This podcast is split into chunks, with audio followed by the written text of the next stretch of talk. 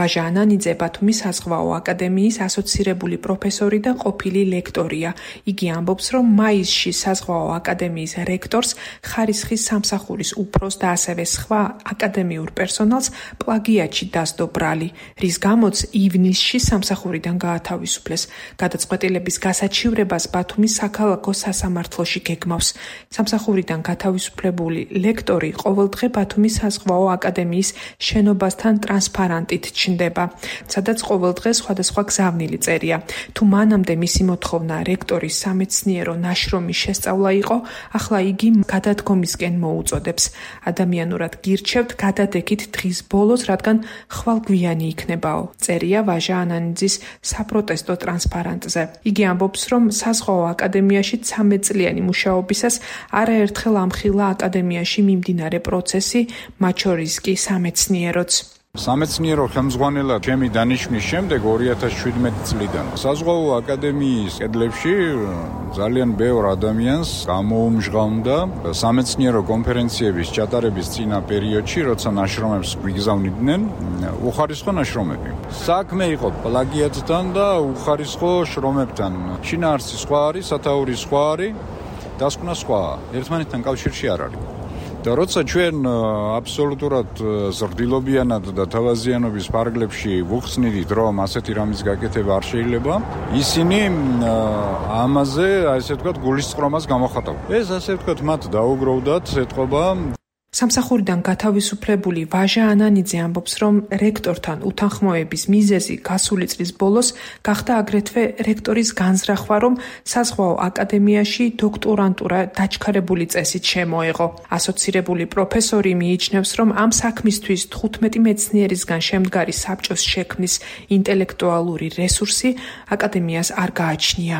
ხოლმე რომ ეს არ გაეკეთებინა. ორი კვირის შემდეგ სენატის გადაწყვეტილება მიიღო, რომლის თავმჯდომარეს თვითონ გახლავთ. მოსთხოვა ფაკულტეტის დეკანებს დაჩქარებული წესით შემოიღოთ დოქტორანტურა. და ეს გააკეთა ისე, რომ სამეცნიერო სფეროში აკადემიის ხელმძღვანელს ეს ინფორმაცია არ ამცნო. საზღვაო აკადემიაში რექტორის გადაწყვეტილებები ან სენატის გადაწყვეტილებების გასაჯაროება არ ხდება. ასე მოხდა ამ შემთხვევაშიც და როცა გავიგე შევედი ვთხოვე, რომ ეს არ გაეკეთებინა. ეს გამოიწვევდა ქალაქ ბათუმში სარდაფებში დისერტ კონსულტაციების დამწერი ადამიანების გაჩენას და მარცხენა ფულის ტრიელს.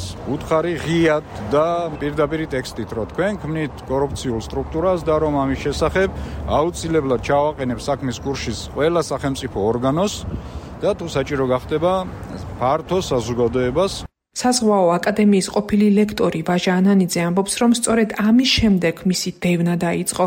მისივე შეფასებით მას აბსურდული ბრალდებები წარუდგინეს და 11 ივნის აკადემიის დისციპლინურმა კომისიამ სხდომაზე მისი გათავისუფლების შესახებ გადაწყვეტილება მიიღო და რეკომენდაციით მიმართა რექტორს.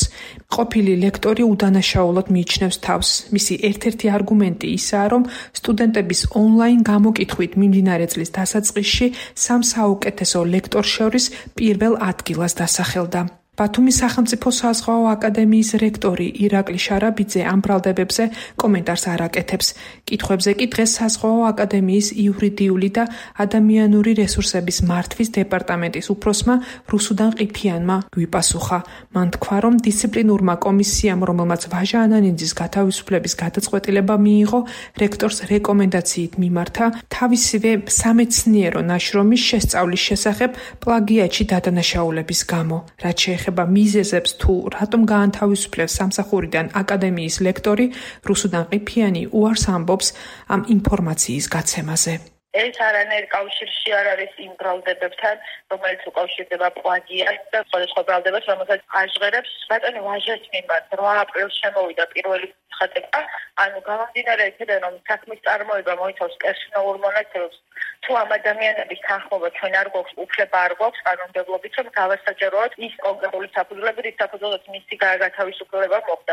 საზღვაო აკადემიის ლექტორის ვაჟა ანანიძის გათავისუფლების აქტის სასამართლოში გასაჩივრებას აპირებს ანა ბერძენიშვილი, საერთაშორისო გამჭირვალობა საქართველოს იურისტი. მისი შეფასებით ანანიძის გათავისუფლების ბრძანება დაუსაბუთებელია და მასში დისციპლინური გადაცდომა არ არის აღწერილი. ჩვენთვის გაუგებარია მიზეზი, რისთვის განთავისუფლდა ვაჟა ანანიძე. დისციპლინური გადაცდომის ჩადენის ფაქტი არ დასტურდება. თუ რაში გამოიხატა ვაჟა ანანიძის მიერ დისციპლინური გადაცდომა, რა სახის დაღება ჩაიდინა მან, ან რატომ იყო ეს სახთელის უკანასკნელი ზომა გამოყენებული და უშუალოდ განთავისუფლება და არასხვა სახე, მაგალითად საყვედური გაფრთხილება, ხელფასის დაკვით ან ასე შემდეგ, ეს არის დაუსაბუთებელი. საერთოდ ამაზე საუბარი განთავისუფლების შესახებ ბრძანებაში არ არის. ის რომ რექტორი მხილებული იქნა პლაგიატში, ნეპოტიზმში და კორუფციის ნიშნების შესახებ ეს რისკი არსებობდა და ის რომ რექტორი და ხელმძღვანელი თანამდებობის პირები ამხილეს ამ ქმედებებში, სწორედ ეს გახდა ვაჟა ანანიძის მიმართ სურისების საფუძველი. იურისტის განმარტებით, სარჩელში სამი მოთხოვნა იქნება: ვაჟა ანანიძის სამსახურიდან გათავისუფლების ბრძანების პათილაცნობა, შრომის ანაზღაურება და პოზიციაზე აღდგენა.